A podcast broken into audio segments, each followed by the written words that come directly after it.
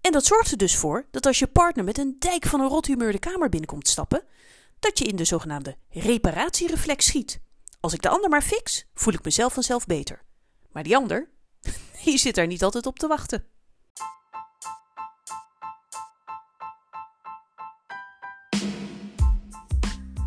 Welkom bij de Geluk of Je Leven podcast. De podcast voor professionals die de regie willen pakken over hun eigen werkgeluk.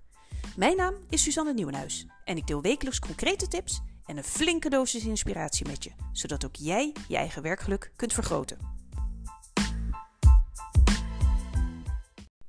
Welkom bij weer een nieuwe aflevering van de Geluk of Je Leven podcast.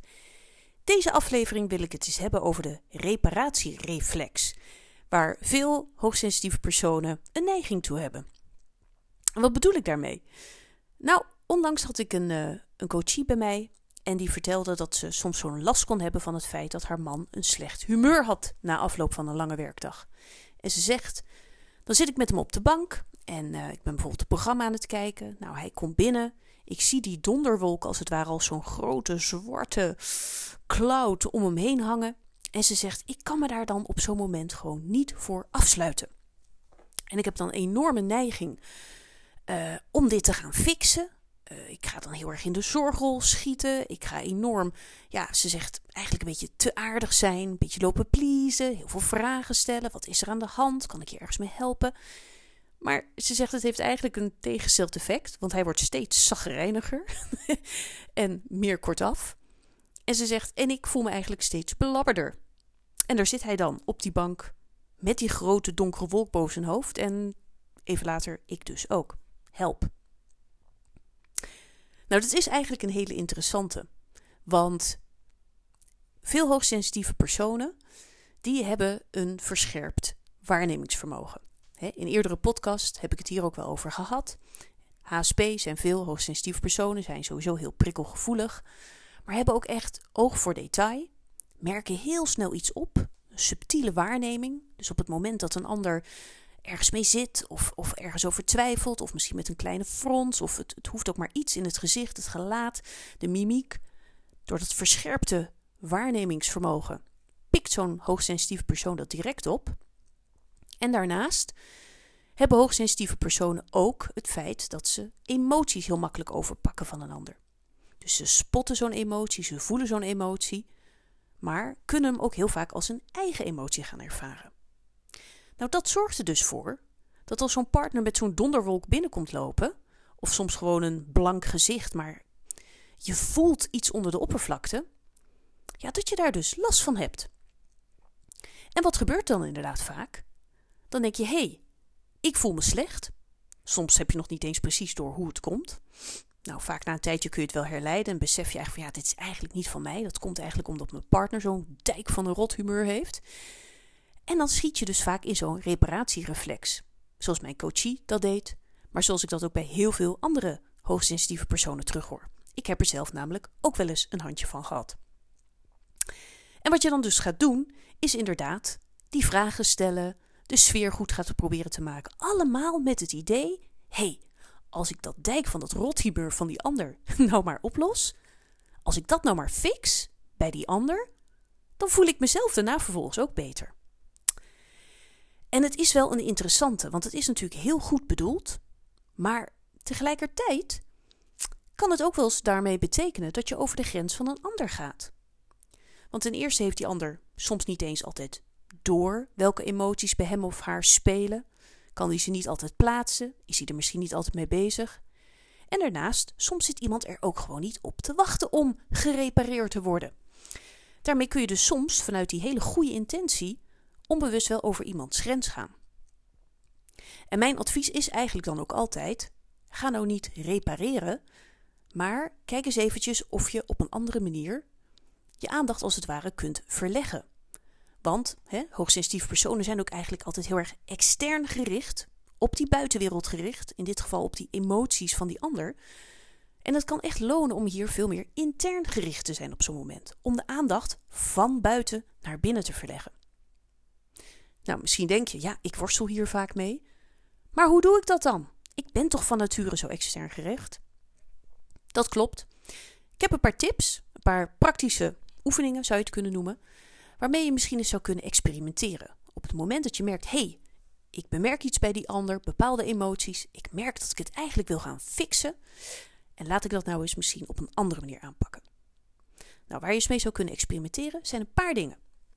En ik noem er eigenlijk een paar. De allereerste. Je zou eens kunnen op zo'n moment, wanneer je dus die drang merkt om te repareren, om dan eens even te stoppen en je aandacht te richten op je ademhaling.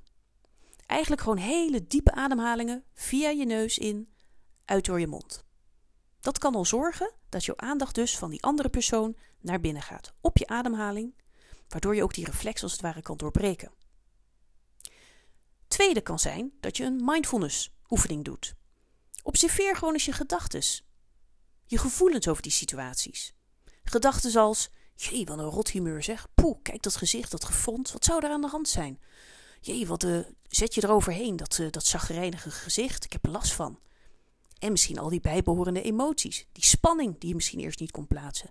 Misschien wel die boosheid, die frustratie of het verdriet wat je van de ander overpakt. Of vervolgens misschien ook weer een oordeel en een gevoel over jezelf van... Waarom heb ik hier ook altijd last van? Het is toch ook irritant misschien om hoogsensitief te zijn? Breng je aandacht dus eens gewoon naar dat soort gedachten, alsof het wolkjes zijn boven je hoofd, en de gevoelens die er in jou omgaan. Zonder oordeel. Gewoon door ernaar te kijken. Dat kan je dus ook helpen om jezelf los te koppelen van al die emoties en bewust te kiezen hoe je op dat moment wil reageren. Nou, een oefening die daar heel erg bij aansluit, is bijvoorbeeld een oefening waarbij je, dat noemen ze ook wel grondingsoefening, waarbij je echt je aandacht op je lichaam richt. Bijvoorbeeld door te voelen hoe je op dat moment op de bank zit, hoe je rug tegen de leuning duwt, hoe je nou, voeten misschien op de vloer staan. Ook dit helpt je als het ware om terug te keren naar dat hier en nu, naar jezelf, om je te centreren en om je aandacht weg te halen van die ander. Dat zijn natuurlijk een aantal mogelijkheden, maar wat ook een mogelijkheid is, en wat ik zelf in het verleden ook vaak heb gedaan, is gewoon mezelf uit de situatie te halen. Dus eventjes naar een andere kamer gaan een korte wandeling te maken buiten. Um, eventjes uh, wat dat betreft uh, ja, je af te zonderen of een koptelefoon op te zetten met een leuk muziekje. Net wat je wil. Maar door eigenlijk jezelf even uit die situatie te halen. Ik ben heel benieuwd of je dit herkent. Dit voelen van die andere, van die emoties van die ander. Dit willen repareren. En ik ben ook wel heel benieuwd uh, in hoeverre dit jou zou kunnen helpen om hier eens mee te gaan experimenteren. Om eens te gaan kijken of je de aandacht kunt verleggen naar jezelf, zodat je de reparatiereflex kunt voorkomen en misschien wat minder last hebt wat dat betreft van negatieve gevoelens van anderen. Het kan je helpen om bewuster te reageren en het kan je ook helpen om wat dat betreft je eigen well-being te beschermen, maar ook om dus te voorkomen dat je onbewust, onbedoeld over die grens van die ander gaat. Dankjewel weer voor het luisteren en graag weer tot een volgende podcast.